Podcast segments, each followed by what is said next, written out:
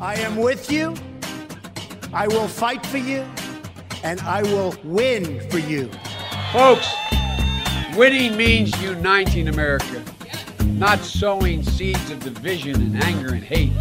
We got to beat Donald Trump, but we can't become like him. And we will make America great again. Het is de grootste economische crisis sinds de Grote Depressie. Tientallen miljoenen Amerikanen zijn hun baan kwijt door de gevolgen van het coronavirus. Ondertussen probeert president Trump met duizenden miljarden de economie te stutten. Hij ziet zijn herverkiezing in gevaar komen. Welkom bij de Holland-Amerika-lijn. Mijn naam is Victor Pak en aan de overkant zit Emiel Kossen. Welkom. Hi Victor, hoe is het daar? Hier gaat het volgens mij een stuk beter dan, uh, dan aan de overkant. Mm, ja, ja en nee. We gaan het hebben vandaag over de economie. Hè. De economische situatie um, in Amerika is niet best. Uh, sinds maart ligt natuurlijk de economie uh, ja, grotendeels stil. Dat is natuurlijk in Europa ook zo. Um, en we zien op beide vlakken, eurozone en in Amerika, dat het, uh, het BNP een enorme ja, klap gaat krijgen. de krimp in de eurozone wordt trouwens iets groter geschat dan, dan in Amerika. Maar op het vlak van werkloosheid is Amerika veel slechter af. Want inmiddels zit al meer dan een vijfde van de beroepsbevolking thuis. Dat zijn echt gigantische cijfers. Dat, ik, ik was een beetje optimistisch, want inderdaad in, in Europa gaat het ook niet goed. Maar ik heb het idee dat hier mensen in ieder geval niet, niet hun baan al kwijt zijn. Er wordt veel meer steun verleend voor, aan bedrijven om werknemers in dienst te houden. Ja, belangrijk is hier dat het systeem anders is. Um, kort gezegd is het in veel sectoren voor Amerikaanse bedrijven uh, veel makkelijker om mensen te ontslaan dan het in Nederland is. Um, als, als jij of ik in Nederland een vast contract um, heeft, dan, dan is het best wel een vast contract. Uh, in Amerika ligt dat anders. Ook met een vast contract kan je, kan je veelal zonder reden worden ontslagen. En dus als er een economische crisis is, zoals nu, dan, um, ja, dan zijn werknemers voor, voor bedrijven een makkelijke kostenpost om op te bezuinigen. Um, daarom zien we nu die enorme aantallen en dat, dat leidt tot schrikreacties, ook in Amerika. Ik bedoel, meer dan 30 miljoen uh, mensen werkloos. Maar tegelijkertijd um, zorgt dat systeem er ook voor dat het makkelijker is voor bedrijven om mensen aan te nemen. Dus op het moment dat we uit deze crisis komen, dan zal je zien dat het in Amerika een stuk sneller herstelt uh, dan, dan in Europa. En vandaar ook dat, dat die voorspellingen van, van, het, uh, van de bruto producten, um, ja, dat die voorspellingen in Amerika eigenlijk iets rooskleuriger zijn dan in de eurozone. En als we beginnen bij de Amerikanen die nu werkloos zijn, het zijn er een hele hoop. Ik kan me niet voorstellen dat dat bijvoorbeeld allemaal horeca-medewerkers zijn. Uh, zo mm -hmm. groot is die sector ook weer niet, lijkt mij. Nee, dat klopt. Um, je, je kan die lijst afgaan um, van mensen die zich in, um, uh, tot april hebben, uh, werkloos hebben ge gemeld. er zijn inderdaad miljoenen mensen die in restaurants, bars of bioscopen werken, maar het gaat veel verder dan dat. wat dacht je van 2 miljoen mensen die in een fabriek werkten, anderhalf miljoen mensen in de bouw, 300.000 ontslagen in de bankensector. Um, en zelfs in de medische sector zijn heel veel ontslagen gevallen. Want dat, dat denk je misschien niet aan, want de ziekenhuizen zijn natuurlijk overvol. Maar eigenlijk alle andere dingen dan corona, die krijgen geen aandacht. Als je nu fysiotherapeut bent, ja, dan heb je, heb je geen klanten. En dan heb je dus hetzelfde verhaal dat, dat mensen um, worden ontslagen of op verlof worden gestuurd, uh, zolang die crisis duurt. Dus ja, je hebt gelijk, het gaat veel verder dan alleen uh, mensen in, in bars en restaurants. En wat zijn de gevolgen voor hen? In Nederland krijg je bijvoorbeeld vrij snel nog een WW-uitkering. Uh, en anders is altijd nog het UWV uh, voor de bijstand. Is dat er voor die Amerikanen ook? Nou ja, het stuk, uh, wat betekent het voor mensen? Onzekerheid in eerste instantie. even geen loon meer. Um, en 10 miljoen mensen verloren ook nog eens een zorgverzekering, omdat die vaak um, wordt betaald door de werkgever. Dus op het moment dat je je baan kwijt bent, ben je misschien ook je zorgverzekering kwijt. Ja, en dan, dan kom je dus in het sociaal vangnet in Amerika. En dat is vooral, vooral veel onzekerheid. Je moet een, een, een uitkering aanvragen. Uh, en die uitkering is, uh, die is, die zwaar uitgebreid. Je krijgt nu als Amerikaan 4000 dollar per maand als je je bent kwijtgeraakt. In vergelijking met Nederland is zeer royaal. Alleen het lastige is dat veel van die systemen niet echt zijn voorbereid. Veel van de systemen in de Staten niet zijn voorbereid op miljoenen mensen die tegelijkertijd een uitkering aanvragen. Die systemen lopen, als ik je goed begrijp, dus vast. Omdat Amerika er niet echt aan gewend is dat er gebruik wordt gemaakt of überhaupt een sociaal vangnet is. Het ligt een beetje aan welke staatje uh, waar, je, waar je het over hebt. In Kentucky bijvoorbeeld um, is het hoogste werkloosheidspercentage. En daar um, zijn allerlei stappen genomen om het, om het uh, sneller te laten verlopen om een uitkering aan te vragen.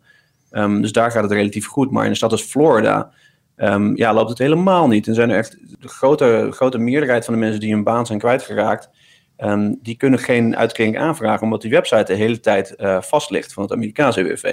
Um, dus je ziet de bureaucratie die moet echt op gang worden gebracht. Um, en dat kan natuurlijk eh, heel lang voelen voor mensen die uh, nu een baan zijn kwijtgeraakt en geen geld hebben om, om bijvoorbeeld uh, de huur te betalen. Die bureaucratie verschilt dus echt per staat. Als jij in een staat woont waar het goed geregeld is, heb je sneller je uitkering als je je baan verliest dan als je in een staat woont waar de site continu vastloopt. Precies, precies. En op zich um, is het niet zo dat je, uh, stel dat je nu een paar weken lang duurt, voordat langer duurt voordat je een uitkering krijgt. Het is niet zo dat je dan geen recht meer hebt op die uitkering over bijvoorbeeld de maand maart. Maar het is, het is puur het wachten, um, wat voor sommige mensen natuurlijk uh, voor, tot problemen leidt. Kunnen mensen dat dan wel aan? Want we zien hier geregeld voorbij komen dat er in Amerika echt gigantische lange rijen staan voor voedselbanken. En dat mensen eigenlijk een beetje ten einde raad zijn. Zie je dat bijvoorbeeld ook terug in Washington? Nee, eigenlijk niet. Eigenlijk niet. Um, kijk, het is vast zo dat, um, dat er mensen zijn die, uh, ja, die, in geldnood zitten, omdat ze geen, uh, geen inkomen hebben op het moment. Maar uiteindelijk um, komt er dus wel een hele hoop hulp van de overheid. Kijk, 4000 dollar per maand is natuurlijk een hele hoop geld voor heel veel Amerikanen. en uiteindelijk krijgen de meeste mensen die dat ook. Dus ja, op het moment zie ik dat niet. Uh, er zijn inderdaad wat langere rijen bij de voedselbanken. Maar wijdverspreide armoede is er nog niet. En dat komt dus deels doordat het congres uh, zo snel heeft gereageerd. De werkloosheidspercentages zijn dus wel te vergelijken met die van de grote depressie. Maar de daadwerkelijke armoede waar mensen in belanden, dat valt voorlopig nog relatief mee. Ja, die vergelijking wordt vaak gemaakt omdat die getallen nou eenmaal vergelijkbaar zijn. Maar um, ja, de situatie is natuurlijk heel anders. In dit geval heeft, uh, ging, het ging heel goed met de Amerikaanse economie en iedereen profiteerde daar uh, deels van mee. En toen werd opeens de economie in een soort van coma uh, gebracht door de overheid zelf. Dus het is natuurlijk een hele andere situatie dan, um, dan ja, 100 jaar geleden toen de grote depressie startte. Ja, en dat coma waar staten en hun economie in verkeren, dat zorgt ook nog eens voor grote regionale verschillen. Want iedere staat bepaalt voor zichzelf welke winkels gesloten worden en welke weer open mogen, toch? Gouverneurs van staten mogen, mogen zelf beslissen um, uh, wat er open gaat en wat er dicht gaat. Um, je ziet dus ook grote verschillen tussen een staat als, uh, als Georgia en, en, South Carolina bijvoorbeeld. Georgia was een van de eerste die, um, die allerlei beperkingen stopzetten. South Carolina wachtte daar iets langer mee. En ja, die zitten tegen elkaar aan. Dus dan zie je soms dat er mensen de ene staat naar de andere staat gaan om bijvoorbeeld even naar kapper te gaan, dat soort dingen uiteindelijk is het, het is natuurlijk deels aan de staat om, om uh, de economie te heropenen. Het is ook aan de mensen en aan de ondernemers om te kijken uh, of ze een soort van ja, comfortabel zijn met bepaalde uh, maatregelen. Um, Georgia, die opende bijvoorbeeld bioscopen als een van de eerste. Maar er was eigenlijk vrijwel geen bioscoopondernemer die dacht dat dat een goed idee was. Dus die bleven gewoon dicht. En dat, zijn, dat gaan we nu zien in meerdere staten. Um, we moeten op een bepaald moment ja, een soort van comfort uh, moet er komen om, om op bepaalde plekken te komen als, uh, als, als, als klanten en dus ook voor ondernemers. Ondernemers moeten dus wel perspectief zien om weer open te gaan. Maar ze krijgen natuurlijk ook een hele hoop geld van de overheid als steunpakket. Ja, ondernemers kunnen uh, kleine leningen aanvragen op het moment. En um, zijn die wel heel erg populair. Dus het is niet altijd makkelijk om zo'n lening te krijgen. Um, het is eigenlijk een beetje hetzelfde verhaal als bij, bij de uitkeringen. Uh, je moet een beetje geluk hebben of, uh, of een bank hebben die, uh, die je goed kan helpen om zo'n om zo'n lening te krijgen. Eigenlijk zijn dit soort glitches die we nu zien wel een beetje te voorspellen. De wet die het congres, de noodwet die het congres aannam, die werd eigenlijk vrijwel zonder debat aangenomen. Um, en het ging dus om duizenden miljarden dollars die in de economie worden gepompt. Um, ja, en pas daarna, nadat die wet was aangenomen, zien we een beetje de problemen ontstaan. Um, dus een daarvan is inderdaad dat, dat ondernemers proberen leningen te krijgen. En er zijn bijvoorbeeld grotere bedrijven die die leningen een soort van van ze afpakken. Maar Republikeinen wijzen naar een heel ander probleem. En dat is dat uh, de uitkeringen, zoals ik zei, mensen krijgen nu 4000 dollar per maand als ze hun baan zijn kwijtgeraakt. Ja, die is eigenlijk te royaal um, om, om die economie weer te heropenen. Want je kan je voorstellen, um, zeg ik werk in een, in een supermarkt, dan, uh, dan verdien ik geen 4000 dollar per maand. En nu door dit steunpakket wel. Uh, en dan wordt het dus heel moeilijk als straks de economie weer, uh, weer open gaat om die mensen echt aan het werken te krijgen. Maar voor hoeveel Amerikanen geldt dat dan? Nou, uit onderzoek blijkt dat het echt heel veel mensen zijn. Um, de helft van alle mensen die een, uh, een uitkering hebben aangevraagd, krijgen dus meer geld via die WW dan ze op hun loonstrookje kregen. Dus het gaat echt om een hele hoop Amerikanen.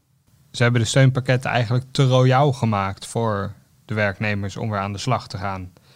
Nou ja, in dit geval wel. Het is een beetje, het steunpakket was zo snel door, door het congres geduwd dat sommige uh, onderdelen zijn niet, uh, niet breed genoeg. Um, er zijn eigenlijk meer leningen nodig voor kleine bedrijven. Uh, ja, en, en, sommige regelingen zijn eigenlijk iets te, iets te royaal, zoals die 4000 dollar aan uitkering. Um, dat systeem is trouwens tijdelijk, dat blijft zo tot 31 juli. En na 31 juli is er geen uitkering meer dan? Nou, dan gaan ze weer terug naar de, de, ja, de niveaus van hiervoor. En dan kom je dus wel op het verhaal dat het Amerikaanse sociale vangnet eigenlijk um, ja, veel minder goed is ingericht dan het Nederlandse. Het ligt eraan per staat, maar dan zou je zomaar uit kunnen komen op, op 1000 dollar als uitkering per maand. Dat is wel een groot verschil natuurlijk. En dat komt ook al redelijk snel. Want ik ken weinig mensen die vermoeden dat dan de economie alweer op volle to toeren draait, zo midden in de zomer. Wordt daar in Amerika hoopvoller over gedacht? Ja, nee, in de helft van de staten ongeveer wel. De helft van de staten, veel Republikeinse staten in het zuiden, die, uh, ja, die, die, die heropenen nu. En die, hopen, ja, die hebben in ieder geval de hoop dat het allemaal weer, uh, weer zo snel zoals normaal zal gaan. Maar um, ja, nee, veel andere staten denken dat niet. En ik, ik ben ook pessimistisch wat dat betreft. Uh, het, het virus blijft zich verspreiden. Um, en die economie die gaat zich niet 100% openen, zeker niet voor de zomer. De politie geeft dat ook toe um, in, in Washington in ieder geval. Hier zijn ze aan het onderhandelen over een volgend steunpakket. En misschien worden daarmee uh, bijvoorbeeld die, die uitkeringen ook wel verlengd. Maar dan waarschijnlijk niet voor, voor 4000 dollar per maand. Is de politiek ook nog eens gezind in zijn corona-aanpak? Nou, dat zagen we natuurlijk wel in het begin. Um, in maart en april was het, uh, het congres uh, inderdaad eensgezind. Uh, werd dat enorme steunpakket aangenomen. Dat is niet meer het geval. Politieke gesteggel in Washington is helemaal terug. Um, Democraten zijn over het algemeen tevreden met lockdowns, uh, willen die verlengen. Republikeinen zijn over het algemeen tegen. Um, en willen die economie zo snel mogelijk open krijgen in hun staten.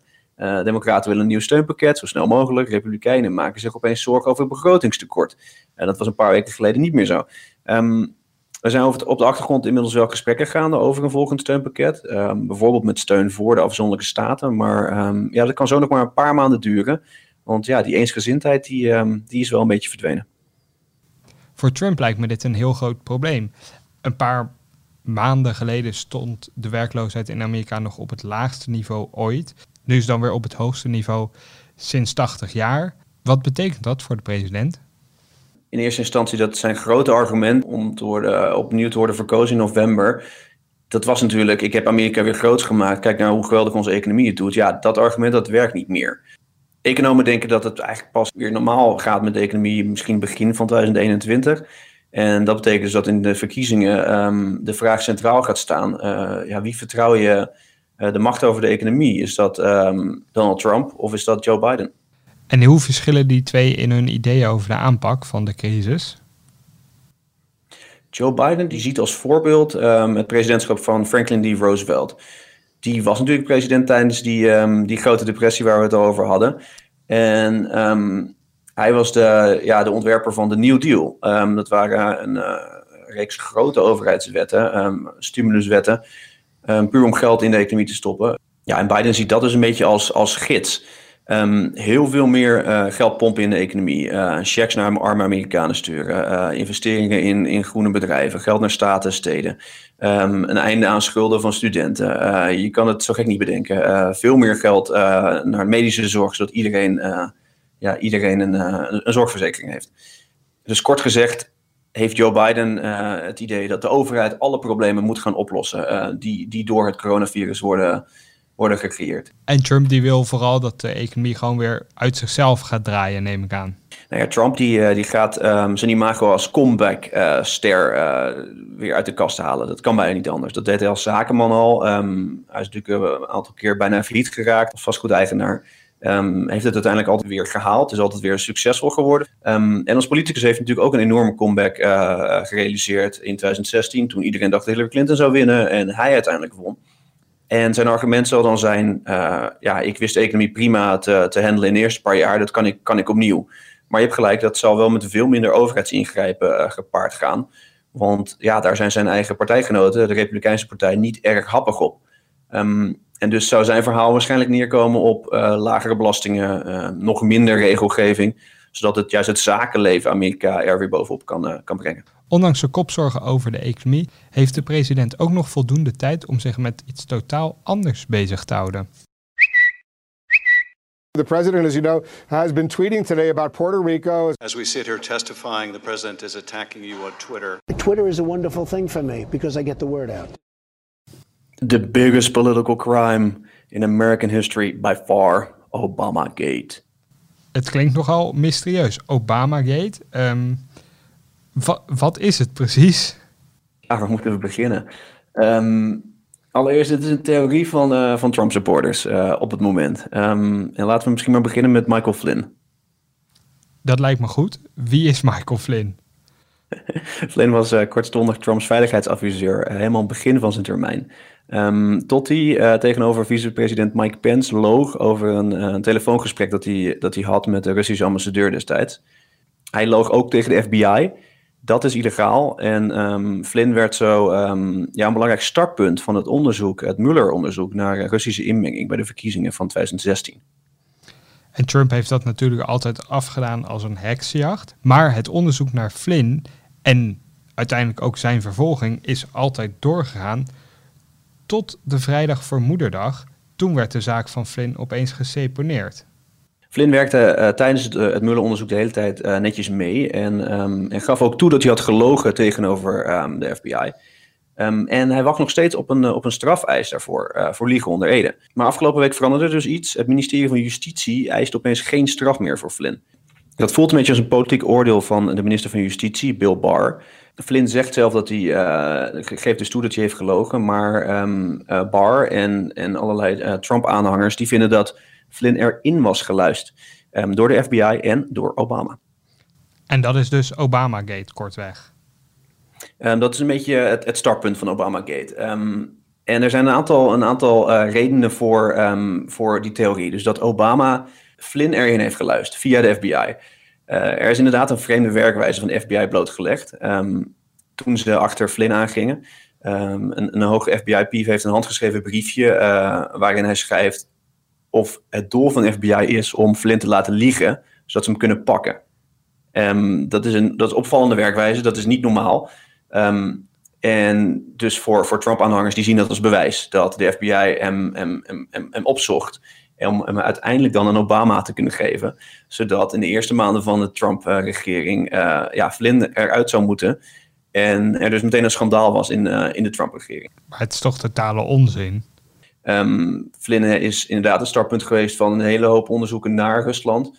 Maar um, ja, hij heeft wel daadwerkelijk gelogen. Hij heeft de Logan Act uh, overtreden destijds. Um, want hij, hij, hij, belde met de Russische ambassadeur voordat de Trump-regering aan de macht was. En dat mag niet. dus ja, het, het, het, uh, die aantijgingen van Trump-supporters zijn twijfelachtig. Maar goed, dan weten we in ieder geval wel waar Trumps vrienden het momenteel over hebben. De reden dat ik zei dat het onzin is, is dat ik het vrij opvallend vond dat Trump met zijn uithalen uh, over Obama en Obamagate begon. Net een dag nadat Obama had gezegd dat de aanpak van, uh, van Trump in de coronabestrijding een chaotische ramp was. En dat Flynn nooit zijn strafvervolging had mogen ontlopen, zoals nu dreigt te gebeuren. Ja, nou, het zou niet voor het eerst zijn dat, uh, dat Trump een, uh, ja, een rookgordijn opgooit. Hè? Um, dat zie je natuurlijk heel vaak tijdens de president op gezien. Dat hij het over verschillende onderwerpen wil hebben, verschillende controversies wil creëren. Zodat we het niet hebben over de misschien wel veel belangrijke kwesties. Uh, zoals de aanpak van het coronavirus. Een beetje zoals Trump aan het begin van zijn presidentschap Obama verweet hem af te luisteren. Ja, dat is, komt eigenlijk nu ook weer terug. dat, uh, dat past allemaal in Obamagate. Eigenlijk moeten we Obamagate zien als, uh, als een beetje een verzamelterm voor, voor uh, alle zaken die Obama eh, voor elkaar gekregen in zijn laatste maanden als president. Allemaal bedoeld om Trump, president Trump, tegen te werken in, in, in office. Is er nog kans dat er serieus onderzoek komt naar, naar Obamagate, bijvoorbeeld in de Republikeinse Senaat? Vooralsnog niet. Vooralsnog lachen senatoren het een beetje weg. Um, er worden wel degelijk onderzoeken gedaan, serieus onderzoeken gedaan naar wat er gebeurde um, in de inlichtingendiensten onder de laatste maanden van Obama. Dat wel, want uh, in, die laatste maanden van het Obama-presidentschap kwam inderdaad eh, het onderzoek naar Rusland en dus naar Trump op. Maar ehm, nee, een onderzoek naar, naar zoiets vaags als Obamagate, dat gaat voorlopig niet gebeuren. En daarmee komen we aan het einde van deze Holland-Amerika-lijn. Wilt u de volgende podcast vanzelf ontvangen? Vergeet u dan niet te abonneren in uw podcast-app. En graag tot de volgende keer. Tot dan.